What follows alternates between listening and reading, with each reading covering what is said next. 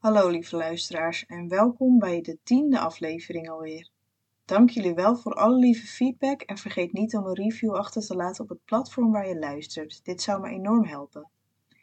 Dan ga ik nu beginnen met de aflevering. Aflevering 10. De verdwijning van Willeke Dost.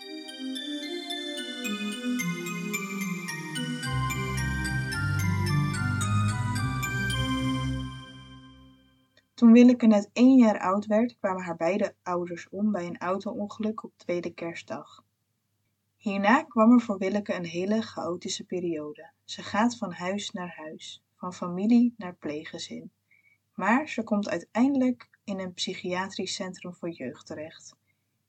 Hier zit zij totdat ze tien jaar oud wordt. Daarna wordt ze in een pleeggezin geplaatst, bij de familie Mulders. De familie Mulders bestaat uit Piet en Herna en hun zoon Bart. Zij wonen op een boerderij in Koekangen.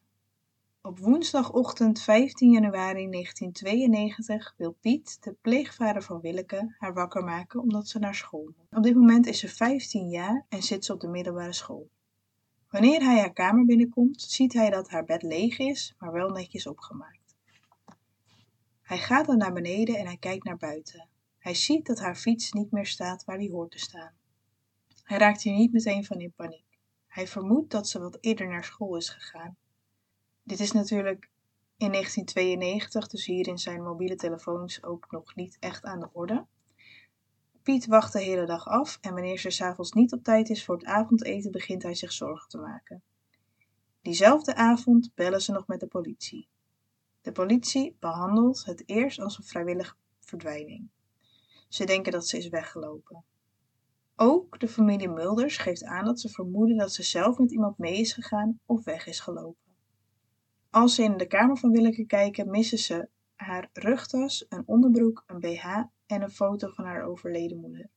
En ook is de jas van haar pleegbroer Bart nergens te bekennen. En haar fiets is dus ook weg.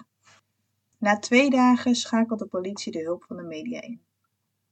Helaas resulteert dit maar in 40 tips en blijken geen van deze tips bruikbaar. Op 23 april 1992 sluit de politie de zaak omdat er geen resultaat is geboekt. Er gebeurt helemaal niks meer in de zaak van Willeke, totdat Peter R. de Vries de zaak nog eens gaat bekijken. In 1996 onderzoekt Peter R. de Vries een connectie met het crimineel Wim S. De politie ziet hierin geen aanleiding om de zaak opnieuw te openen en helaas blijft onduidelijk of Wim S. iets te maken heeft gehad met de verdwijning van Willeke. In 2004 start het landelijk team kindermoord een onderzoek in de zaak. Er wordt er opnieuw aandacht aan de vermissing gegeven in verschillende media, zoals het televisieprogramma Opsporing Verzocht en in Tros Vermist. Justitie loont op dat moment 20.000 euro beloning uit voor de gouden tip. Tros doet daar nog eens 10.000 euro bovenop. Er wordt een beeld vrijgegeven van hoe Willeke eruit zou zien als 27-jarige vrouw. Hierna komen er verschillende tips binnen, maar helaas geen bruikbare tips. En weer valt de zaak helemaal stil. En dan in 2009 komt er ineens nieuws naar buiten. Breaking news zelfs. Wat lijkt uit het niets, wordt ineens de pleegmoeder en pleegbroer van Willeke Dorst opgepakt. Ze worden verdacht van betrokkenheid bij de verdwijning van Willeke. Op dat moment is de pleegvader al overleden. Tijdens een persconferentie wordt er verteld door de hoofdofficier van justitie dat de zaak opnieuw is bekeken door zeven rechercheurs en dat er informatie is aangeleverd door een privédetective. En volgens deze hoofdofficier zijn hierdoor genoeg verdenkingen om de twee verdachten op te pakken. De gehele boerderij en de grond van het pleeggezin worden overhoop gehaald en er wordt gegraven op bepaalde plekken waar haar lichaam begraven zou kunnen zijn. De twee verdachten blijven ontkennen en nadat de zoektocht niks oplevert, worden ze weer vrijgelaten. En na een jaar zijn ze officieel geen verdachten meer in deze zaak. In 2018 zegt de Stichting Vermiste Kinderen Alert dat er opnieuw gegraven moet worden bij de boerderij op een specifieke plek. Hier zouden zoekhonden hebben aangeslagen en ook zou er een verstoring te zien zijn op grondradarbeelden. De politie gaat niet in op het verzoek. Dan komen er twee amateurspeurders naar voren die al jarenlang op zoek zijn naar antwoorden in de zaak van Willeke. Zij zeggen dat als de politie het niet gaat doen, dat zij gaan graven. Hierdoor zetten ze zoveel druk op de politie, via de media, dat de politie besluit om toch te gaan graven. Het graven begint op 12 november 2018. Ze graven op twee plekken waar nog niet eerder is gezocht, maar ook deze keer vinden ze helaas geen spoor terug van Willeke. Na deze actie gaat een van de amateurspeurders nogmaals met de zoekhonden over de boerderij. Hier slaan de honden op een plek weer aan. En met de grondradar vindt hij op die plek een afwijkende vorm. Volgens zijn eigen zeggen lijkt het op een graf. Hij stuurt deze beelden naar deskundigen in Amerika en zij geven aan dat het zeker de moeite waard is om daar te gaan graven. Maar de politie vindt het niet de moeite waard. Op dit moment zijn er nog steeds mensen die zich enorm inzetten om de onderste steen boven te krijgen.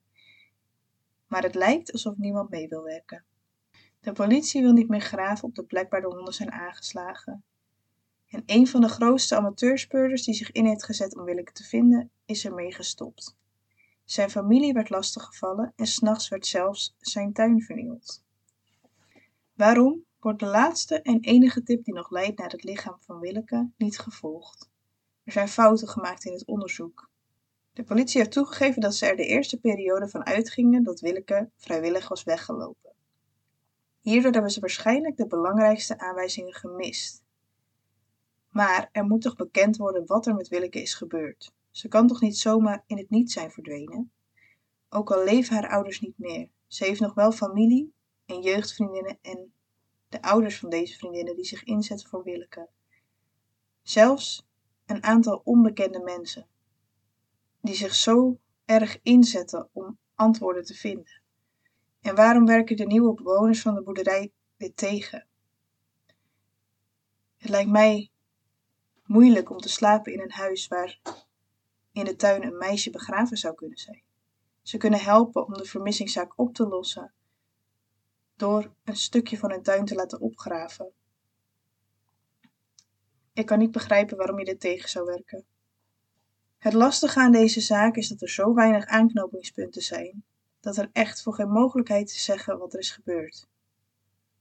Het kan zijn dat ze iemand is gaan ontmoeten, diegene kan haar hebben ontvoerd of vermoord maar niemand heeft enig idee wie ze zou kunnen hebben gesproken.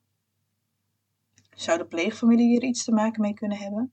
Ja, zeker. Ze zijn natuurlijk zelfs op een gegeven moment verdachte geweest. Maar wat is er dan gebeurd met haar spullen, haar fiets? En waar is haar lichaam gebleven? Precies op die ene plek die nog niet is onderzocht?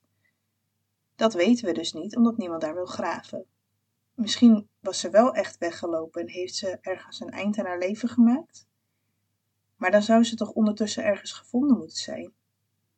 Ik ben heel benieuwd wat jullie denken dat er is gebeurd. Dan wil ik deze aflevering vandaag eindigen met een aantal updates op eerdere afleveringen, want er zijn er nogal een paar. In aflevering 1 heb ik het gehad over de moorden op Abby en Libby. Richard Allen zit nog steeds in voorarrest. Hij had eigenlijk afgelopen week een rechtszaak op 17 februari om te evalueren of hij eventueel vrij mocht op borgtocht.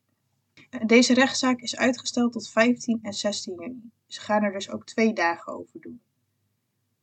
Waarom het twee dagen zijn is niet duidelijk gemaakt. Wel is er speculatie dat het is, omdat er een grote hoeveelheid bewijs is die ze voor of tegen hem zouden kunnen hebben. In aflevering 2 heb ik het gehad over de verdwijning van Madeleine McCann. Op dit moment is er een vrouw van 21 jaar oud, genaamd Julia, die woont in Polen. Julia is in therapie geweest en hier zijn er voor haar een aantal puzzelstukken op een plek gevallen. Ze weet niet veel van haar jeugd en er zijn geen foto's beschikbaar van haar voor haar derde levensjaar. Ook brengt ze een Duitse pedofiel naar voren die iets te maken zou kunnen hebben met haar mogelijke ontvoering, die op het moment dat Madeleine werd ontvoerd ook in de omgeving was. Ook denkt ze dat ze Madeline kan zijn, omdat ze hetzelfde streepje in haar oog heeft en heel weinig mensen op de wereld hebben dat streepje. En zij heeft het dus precies in hetzelfde oog.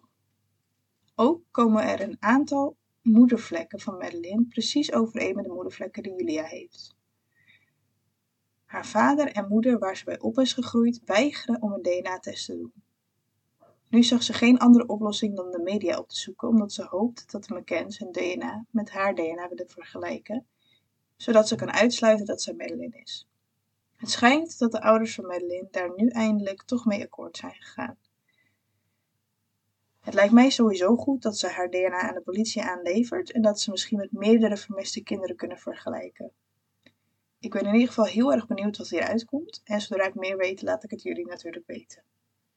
En in aflevering 6 had ik het over de Idaho-moorden. Hier is op 30 december Brian Koberger voor opgepakt. De eerste rechtszaak is uitgesteld, zodat de verdediging van Brian Koberger de tijd heeft om over al het bewijs te gaan. De nieuwe datum is 26 juni. De rechter heeft er rekening mee gehouden dat dit een week lang kan gaan duren. Dit waren alle updates die ik op dit moment voor jullie heb. Mochten er meer updates komen, dan breng ik jullie natuurlijk meteen op de hoogte via Instagram. Volg me via moord.n.mysterie.podcast.